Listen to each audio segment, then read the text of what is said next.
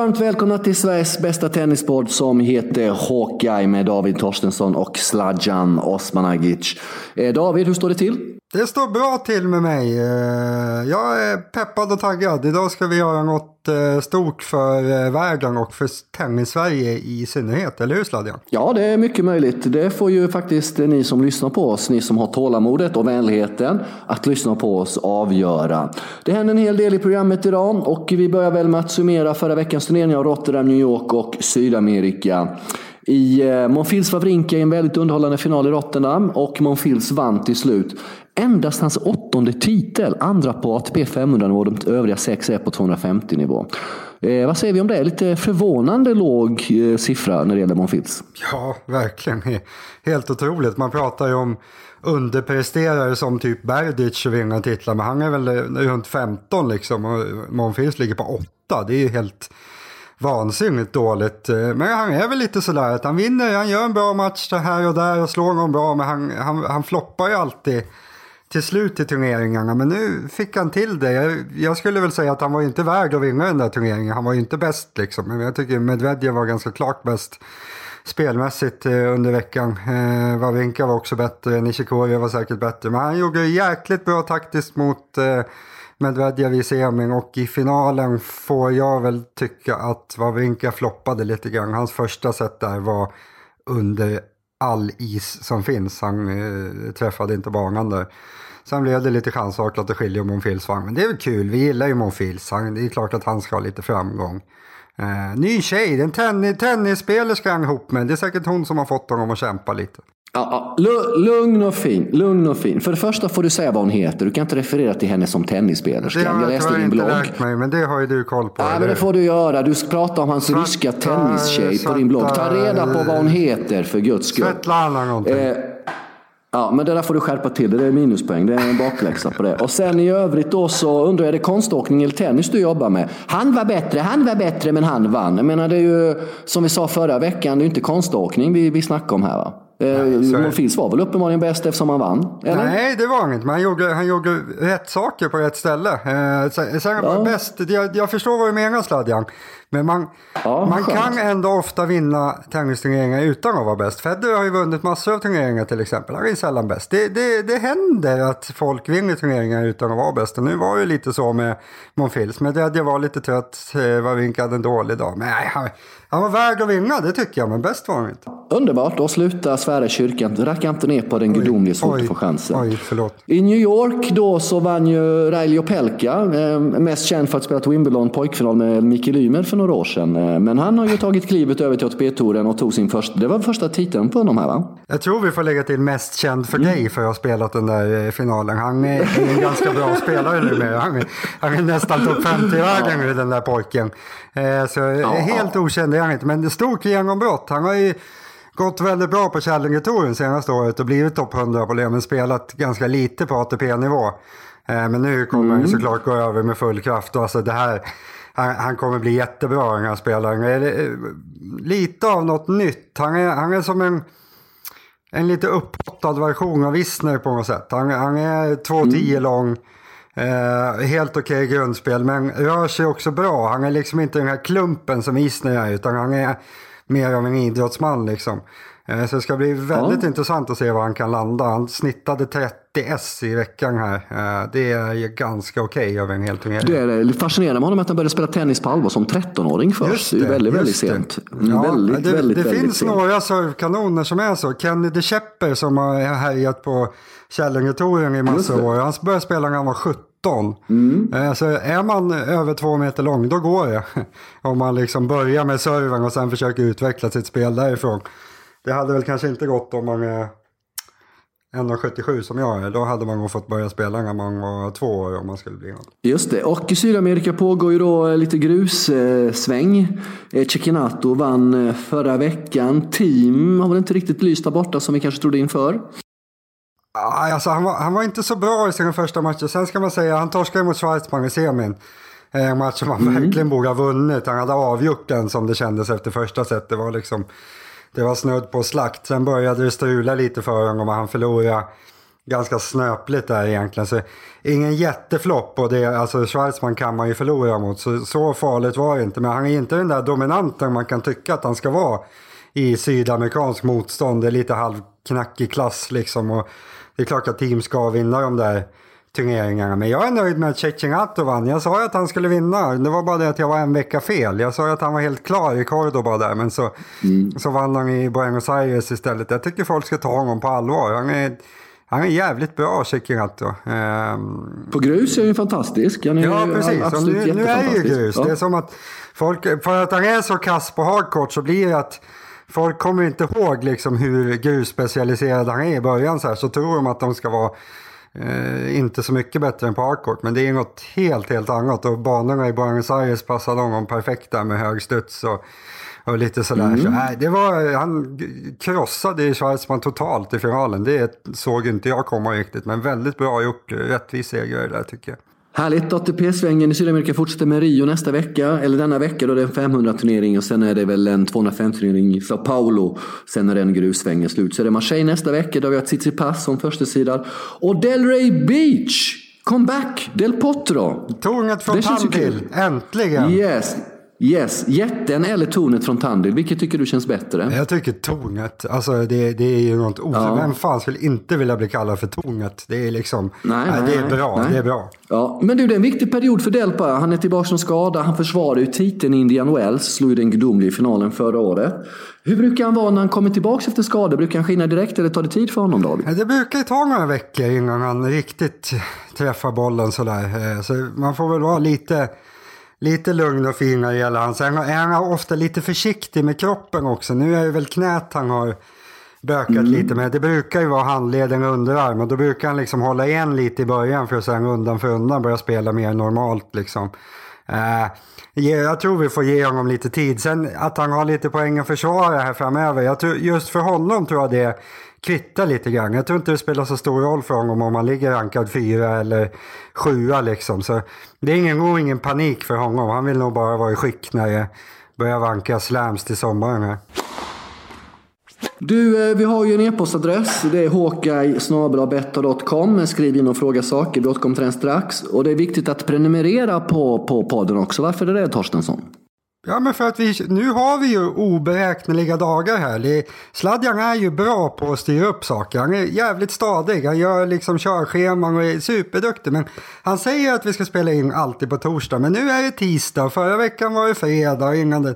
Vi kör lite oregelbundet nu. Så om man prenumererar så får man notiser när avsnitten kommer. Så, så kan man lyssna när de är aktuella istället för att behöva hitta dem för sent. Så kanske det vi säger låter jättedumt för att det har gått en vecka. Liksom. Så klicka i prenumerera-knappen.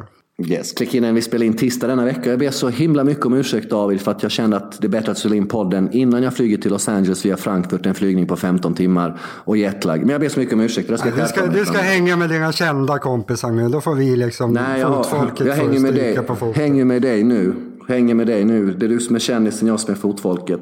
Du, och recensera podden på iTunes ska man också göra. Eller hur? För då hamnar vi högre upp där på ja, de Det, det tycker jag att man ska sätta ett bra betyg. Du tycker jag att man ska sätta det ja. betyg som, som man liksom verkligen tycker. Men jag, jag tycker ju då högt betyg, sladjan tycker det ni tycker. Så där får vi väl välja själv. Men det är väl bra om man sätter något betyg tror jag. Så hoppar vi upp i listorna där och så blir allt mycket härligare.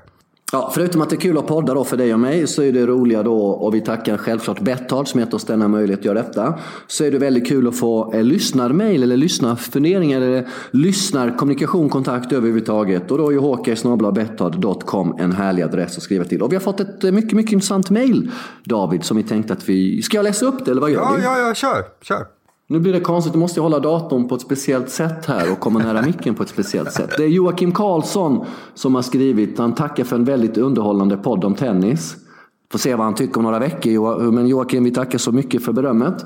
Eh, jag undrar vad era tankar är kring att Eh, allt, allt artighetsbeteende behärskningsbeteende som finns i tennis. Serena Williams beteende i US Open i finalen förra året var på många sätt inte okej, okay, det håller jag med fullständigt om. Samt så tycker jag toleransnivån för starka känslor är väldigt låg inom tennis. Ja, och det kan vara lite regionalt också. I England är de ju väldigt känsliga kan jag tycka.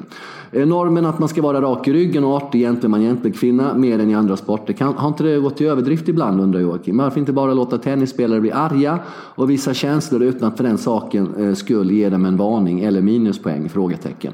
Jag kan även tycka att tennisspelare är lite väl snobbiga ibland, skriver Joakim. I de flesta sporter är det en del av sporten att publiken förväsen och försöker störa den man inte hejar på. Framförallt i lagsporter, men även individuella sporter. Där ingår det i ens professionalitet att kunna hantera det och det är lika för alla. Det eviga lovprisningarna av tystnad under bollarna tycker jag kan gå till överdrift.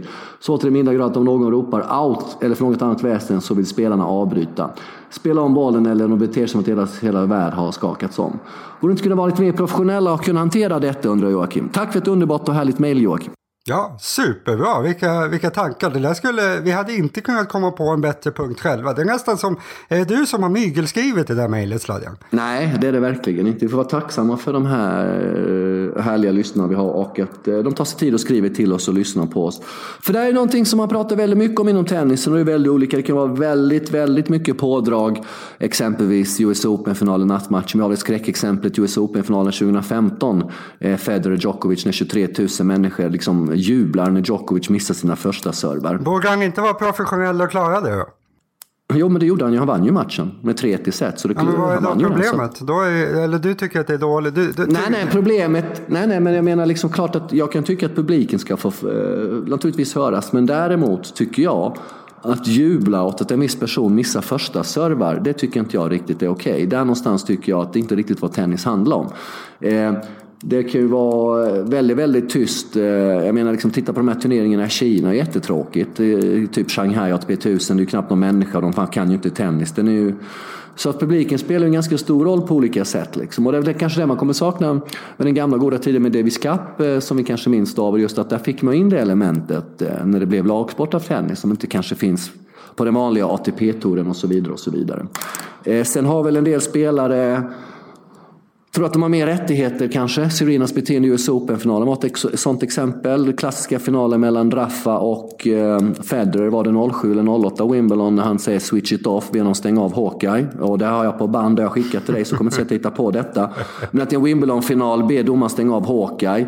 Eh, där tycker jag man går över en gräns. Men jag vet inte. Jag, jag tycker så här, att jag har egentligen inte problem med någonting inom tennisen, på, på det här området då. Förutom just att folk måste sitta stilla på läktaren.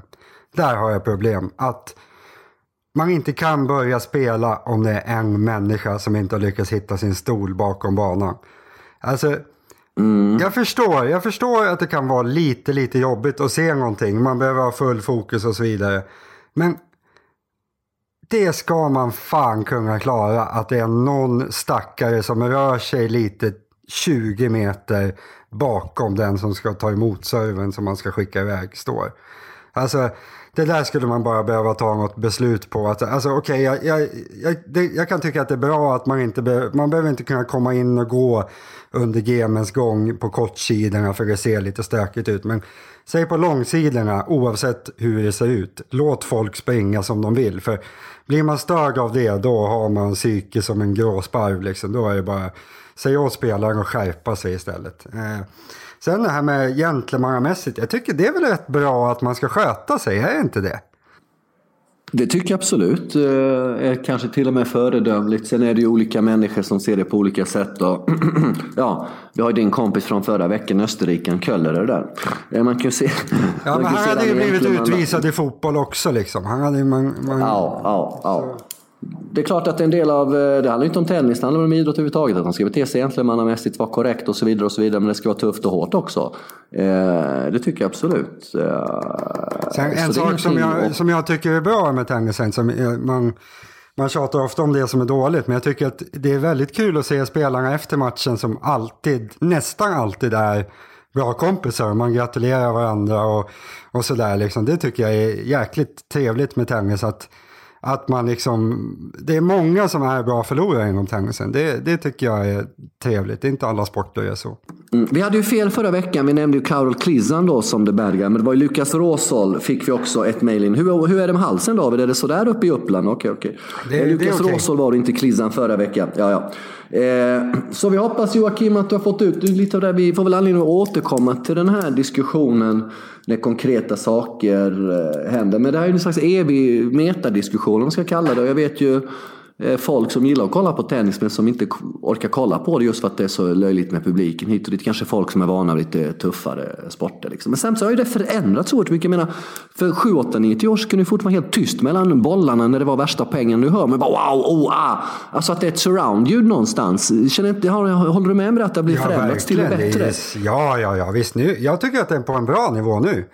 Eh, när jag började följa tennisen, det är väl Ja, det är 20 år sedan nästan som jag började följa det riktigt, riktigt nära. Då var det ju fortfarande lite sådär att man tyckte att vad fan är det här liksom? Var- Varför, varför är det så fruktansvärt tråkigt? Men nu tycker jag att det, det är på en ganska bra nivå. Jag menar som golfen som är en annan sport jag följer väldigt nära, de ligger ju långt efter. De är ju kvar 20 år tillbaka i tiden med, med allt sånt här. Det, sen, de tycker väl kanske att det är bra. Det är ännu mer gentlemannasport och sådär liksom. Men tennisen har ju verkligen tagit kliv mot att bli något bra. Sen vill vi väl inte, vi vill väl inte landa där fotbollen är, att publiken kastar öl och inte sköter sig liksom. Så, nej, jag tycker det är ganska bra nivå just nu. Sen finns det saker som, som man kan göra bättre, men jag tycker att det funkar förhållandevis bra ändå. Joakim tycker att en del tennisspelare kan vara lite för snobbiga ibland. Är det en känsla du delar? Eller en tanke du delar?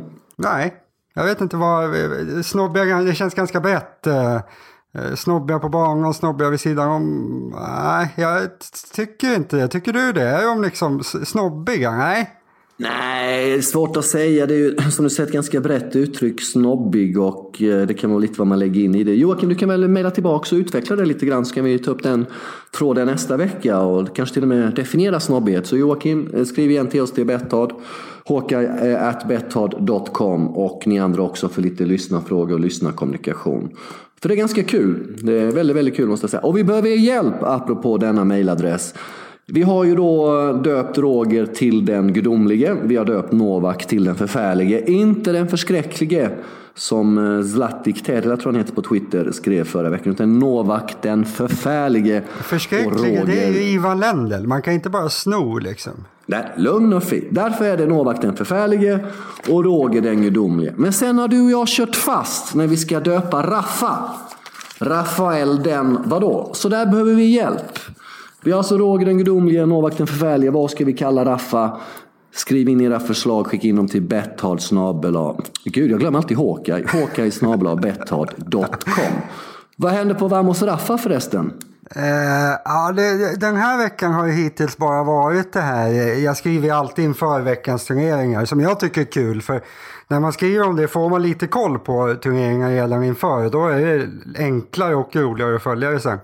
Eh, så det var vad jag gjorde igår. I helgen skrev jag en hel del om, det var rätt roliga semifinaler och finaler i helgen. Så det har varit rätt mycket fokus på tennisen som spelas just nu. Eh, idag får vi väl se vad det blir. Jag har inte så mycket uppslag idag så jag får väl eh, uppfinna något kul här under förmiddagen. Så folk får titta in där. Du gör väl som vanligt, du ringer till mig och frågar vad du ska skriva så får jag komma på något dig. Ja, Du är så lat så klockorna stannar. Ja, just det. Just det. Herregud, du bor ute på landet i skogen. Lite kreativa får ni väl vara där ute. Gå ut och krama ett träd så kanske du blir inspirerad. Du har ju många träd som helst. Ja, Ja, jag Varför tror jag ska inte? krama ett träd. Ja, om jag ser ett träd i Los Angeles kommer jag krama det direkt och skicka en bild till dig. Bara så att du vet. mys, mys. Du, eh, Opelka vann ju New York. Han är surfkanon. Om du skulle lista de fem bästa surfkanonerna på ATP-touren från plats fem upp till ett. Hur ser den listan ut? Den ser ut så här. Och Karlovic är fortfarande kung. Äh, ja, ska jag börja bakifrån? Nu har jag redan sagt att Karlovic är kung. Ja, du är ju Vad helt låt hopplös. mig börja. Ja, Ja, det kanske var en miss. Det kanske var det. Men nu gör vi så här.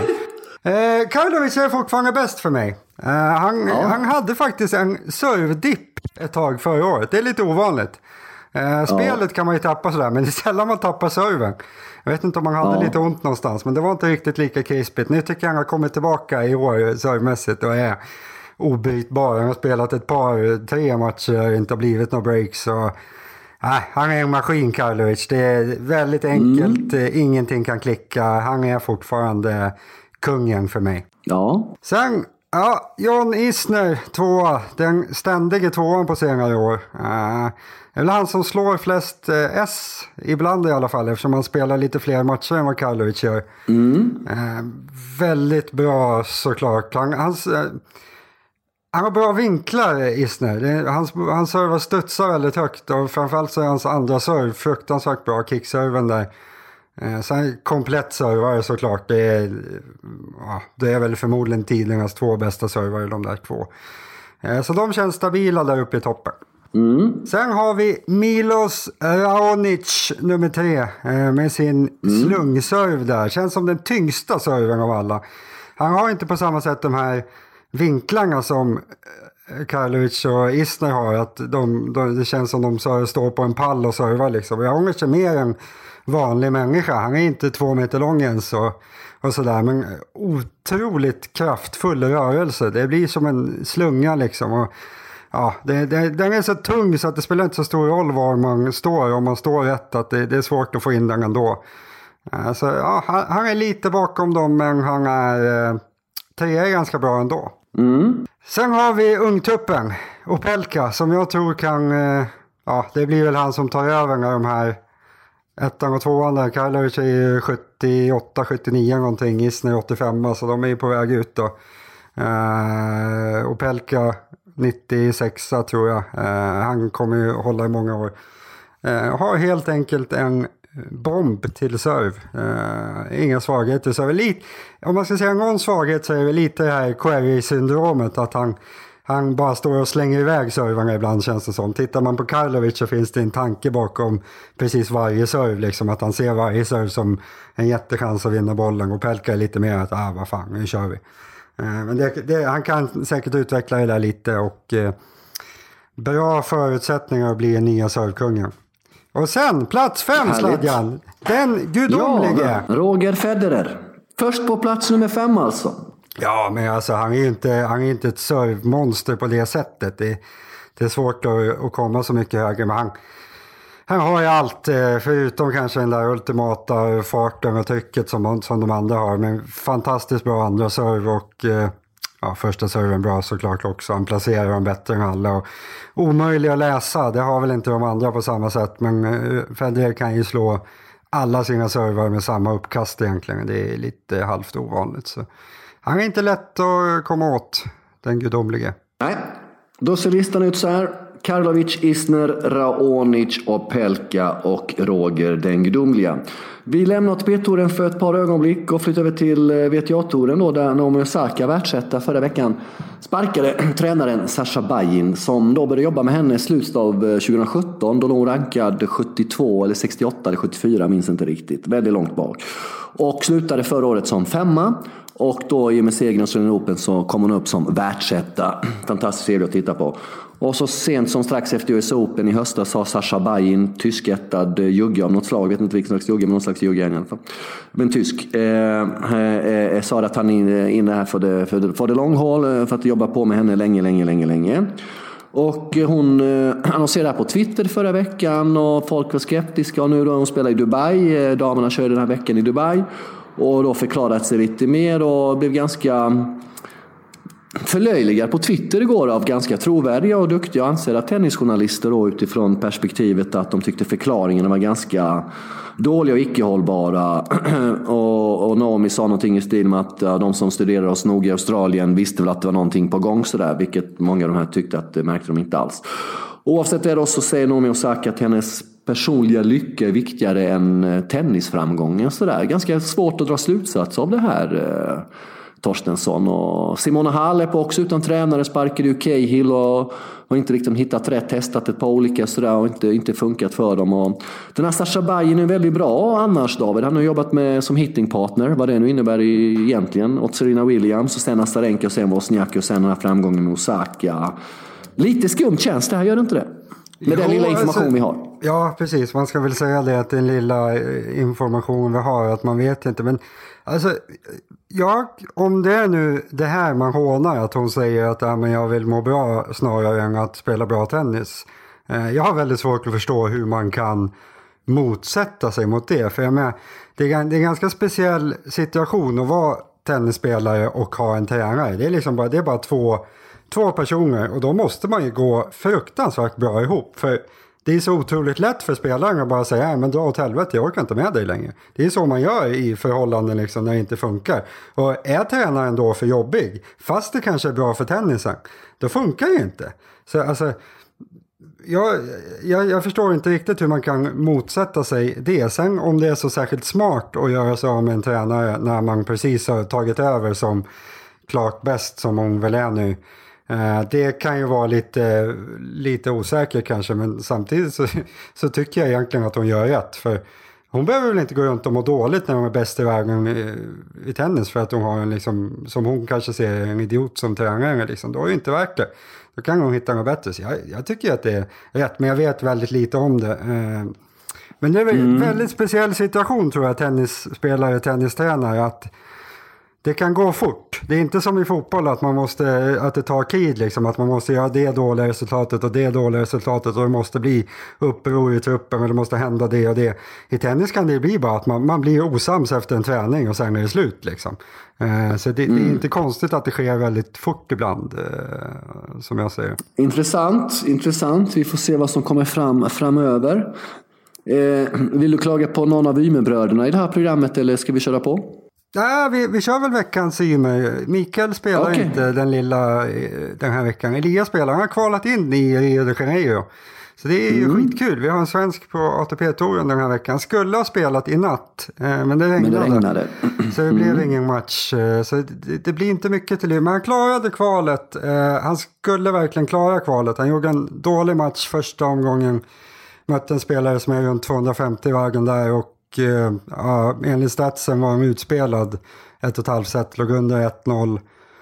3-1 eh, tror jag i andra. Eh, kom tillbaka som han ofta gör. Otroligt bra förmåga att komma tillbaka i matcherna. Sen jämnt i kvalfinalen också mot eh, Martinez som är sämre en gång. Men han klarade det och det är det viktiga. Som heter han Londero nu som vann i Cordoba. typ tidernas skräll på ATP-touren.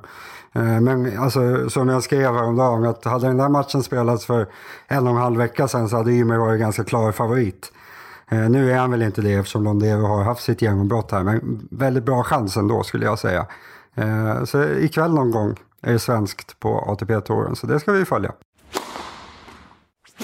Härligt, vi har ett ämne kvar i detta avsnitt av Hawkeye som är det nionde. Och för er som hatar Novak Djokovic, och för er som hatar när jag och David tycker att Novak är en hyfsad tennisspelare.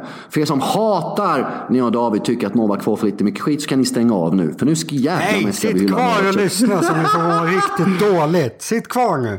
Nu blir det Djokovic-frossa. Då har vi lite olika förhållningssätt du och jag. Men igår då, och tisdag Eh, igår var det va? Nej, det är måndag igår. Tisdag idag, ursäkta mig. Eh, eh, vad blir det för datum David? Den 21 va? Nej, vad fan blir det? Den 19, 18, måndag den 18 februari, ursäkta det är så rörigt.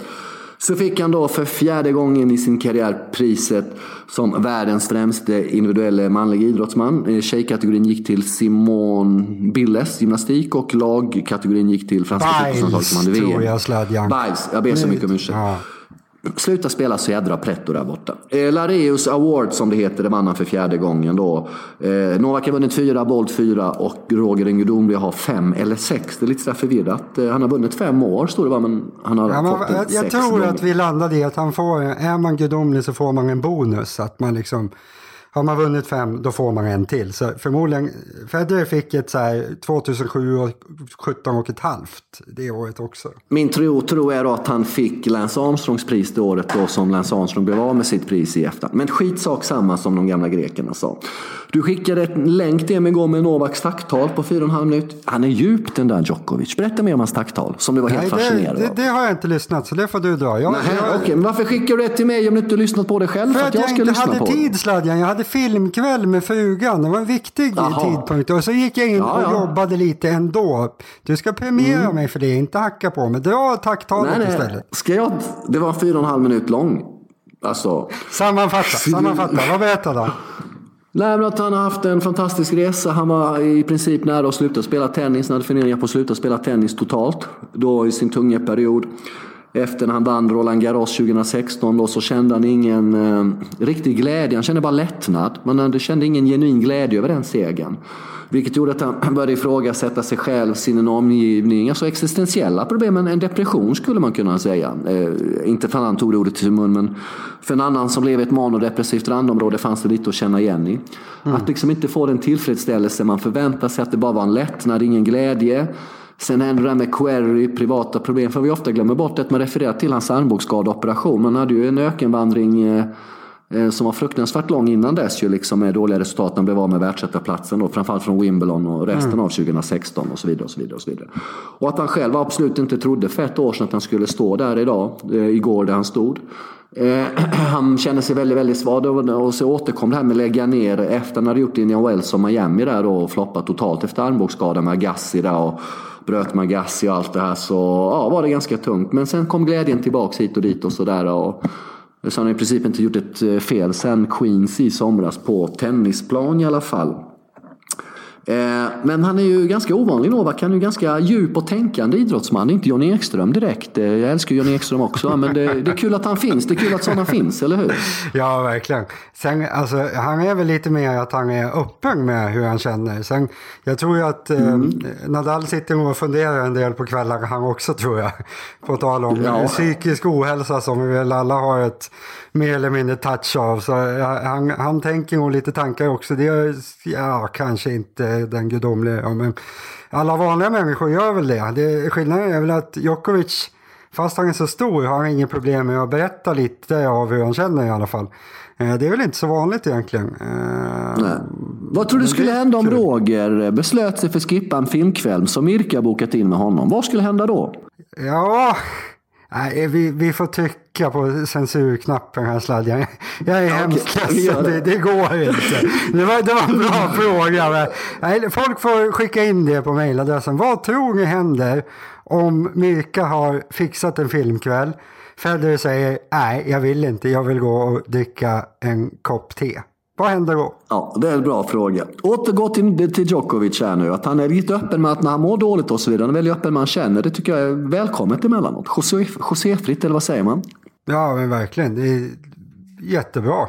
Det behövs. Jag brukar skriva en del ibland om min hypokondri och allt sånt där. Jag tror, även om det, jag inte förändrar världen, kanske inte Djokovic gör heller, men jag tycker inte det finns någon anledning att liksom vara tråkig på det sättet att man inte berättar om. Tänk, om, tänk att höra en öppenhjärtig intervju med Nadal till exempel. Det skulle ju vara helt fantastiskt intressant att höra. Alltså, bara låta honom sitta och berätta om alla sina tvångstankar på tennisbanan skulle ju vara superintressant och folk skulle älska honom efter det. För alltså, om han förklarar varför sitter jag och sorterar vattenflaskorna eller varför jag kanske inte drar i kallingarna, det gör han ju för att de sitter dåligt. Men liksom det här med håret och vattenflaskorna och Eh, han sover väl med lampan tänd och allting. Alltså berätta allting. Det är inte, folk kommer liksom inte tycka dåligt om honom. Folk kommer bara älska honom för han kommer framstå som mänsklig. Alltså, det skulle ju vara mega intressant om en sån kille gjorde det. Nu kommer han aldrig göra det för han är ju inte öppen på samma sätt som eh, Djokovic är. Men bra att Djokovic gör det. Och det här, den här utmärkelsen ska vi säga om också att det är ju bara tennisspelare som vinner den typ. Så jag vet inte, jag vet inte var, de, var de sitter och knaprar de där som utser det. Det är nästan det är tennisspelare och, och eh, Tiger Woods typ. Tiger Woods, Usain Bolt, Nadal, Djokovic, Federer, Armstrong fick sitt. Schumacher har vunnit någon gång. Eh, Annika Sörenstam fick 2004 ja. priset Schumacher i herrkategorin. Så där någonstans, ja, det är väldigt, väldigt, väldigt mycket, mycket tennis, helt klart. Vem hade du valt i år, Sladjan? Om du hade fått fria händer, vem, vem hade du tagit? Svårt. Novak hade ju ett fantastiskt halvår eh, och vann ju tre Grand Slams. Tills, nej, två var det ju faktiskt bara förra året. Eh, men hans första halvår var ju väldigt, väldigt dåligt. Så det är frågan hur man bedömer. Om man bara går på titlar lite, lite. Eh, oftast blir ju då lagidrottare eh, lite sådär bortglömda i det här uh, sammanhanget kan man ju tycka då. Liksom. Och hur mäter man av det? Liksom? Hur mäter du av Kylian Mbappés 2018 kontra Djokovic? Det är ju jättesvårt alltså, eller hur? Mm. Ja, jag hade valt, jag hade förmodligen valt LeBron James varje år. Eh, men alltså det, jag tror priset hade väl mått bra av om Messi hade fått det någon gång, om LeBron James hade fått det någon gång, Ronaldo fått det någon gång. Istället för att Federer får det sex gånger och Djokovic fyra gånger. Det tappar väl kanske lite trovärdighet. Eh, de nominerar ju lagidrottare men de ger aldrig priset till dem. Så, men det är ett stort mm. pris och det, det är kul att det är tennisspelare som får det, så är det ju. Alltså på något, någonstans är ju ett bra bevis. Det man kan säga, han slår ju alla andra individuella idrottare i alla fall. För det känns ju som att individuella idrottare är med på samma villkor. Eh, så när man tycker att någon norsk skidåkare är en stor idrottsman någon gång så kan man ju tänka till lite och fundera över om eh, Djokovic kanske är lite större ändå. Eh, så, ja. Han är stor Novak, stor pojk. Nästan lika stor som Ole Gunnar Stordalen, skidskytten. Björndalen sladjan. Björndalen hette just det. Björndalen. Klipp inte bort det där Kevin. Nej, klipp inte bort det där för guds skull. Jag skäms inte för att jag inte har totalkoll på norska skidskyttar. Det är någonting jag nästan till och med sträcker, går rak i ryggen och huvudet högt kan jag tala om för Torstensson. En vacker dag ska jag komma upp till skogen utanför Uppsala och och knacka på så ska du få se på både det ena och det andra Torstensson. Nej. Du avslutar alltid avslutet med ett hot. Det är helt underbart. Nej, det är inte ett hot, det är ett faktum. Eh, sen ska det väldigt, väldigt mycket till om jag ska med ta mig till en skog i Uppsala. Ja. Det måste i princip vara liksom att du verkligen säger du måste komma upp, jag är desperat, jag behöver prata med dig. Alltså att ditt ja. liv står på spel, då kommer jag komma upp till skogen i Uppsala. Men du känns inte, inte skogskompatibel Sladjan, du är en stadsmänniska. Nej, jag är väldigt icke skogskompatibel. Jag älskar ju träd i städer som, som du vet. Så att jag ska nog hitta ett jäkla träd och krama i LA så kan vi lägga upp det på man kan följa oss på Twitter och sånt där. Instagram Håke också, är det inte så Torstensson? Jo, Twitter och Instagram va? Eh, Håka ja, har du lärt dig adresserna? Podcast. Det heter det inte adress på eh, sociala medier sladjan. Nej, jag vet fan Utan inte vad det heter. heter. Hashtag. Ja. Nej, vad heter det? Nick kanske. Nej, jag vet ja. inte. Vad heter det? Ja, vi finns där i alla fall. Håkan understreck podcast överallt. Mycket, mycket bra. Det börjar bli dags att runda av det här. Eller det är dags att runda av det här för jag känner Torstenssons... Det börjar, för du sitter, sitter, har du myror i brallorna nu? Vill du ta en kaffe eller vad vill du hålla på med? Nej, nu ska jag gå och ta mitt eh, morgondopp här. Jaha, ute i sjön eller?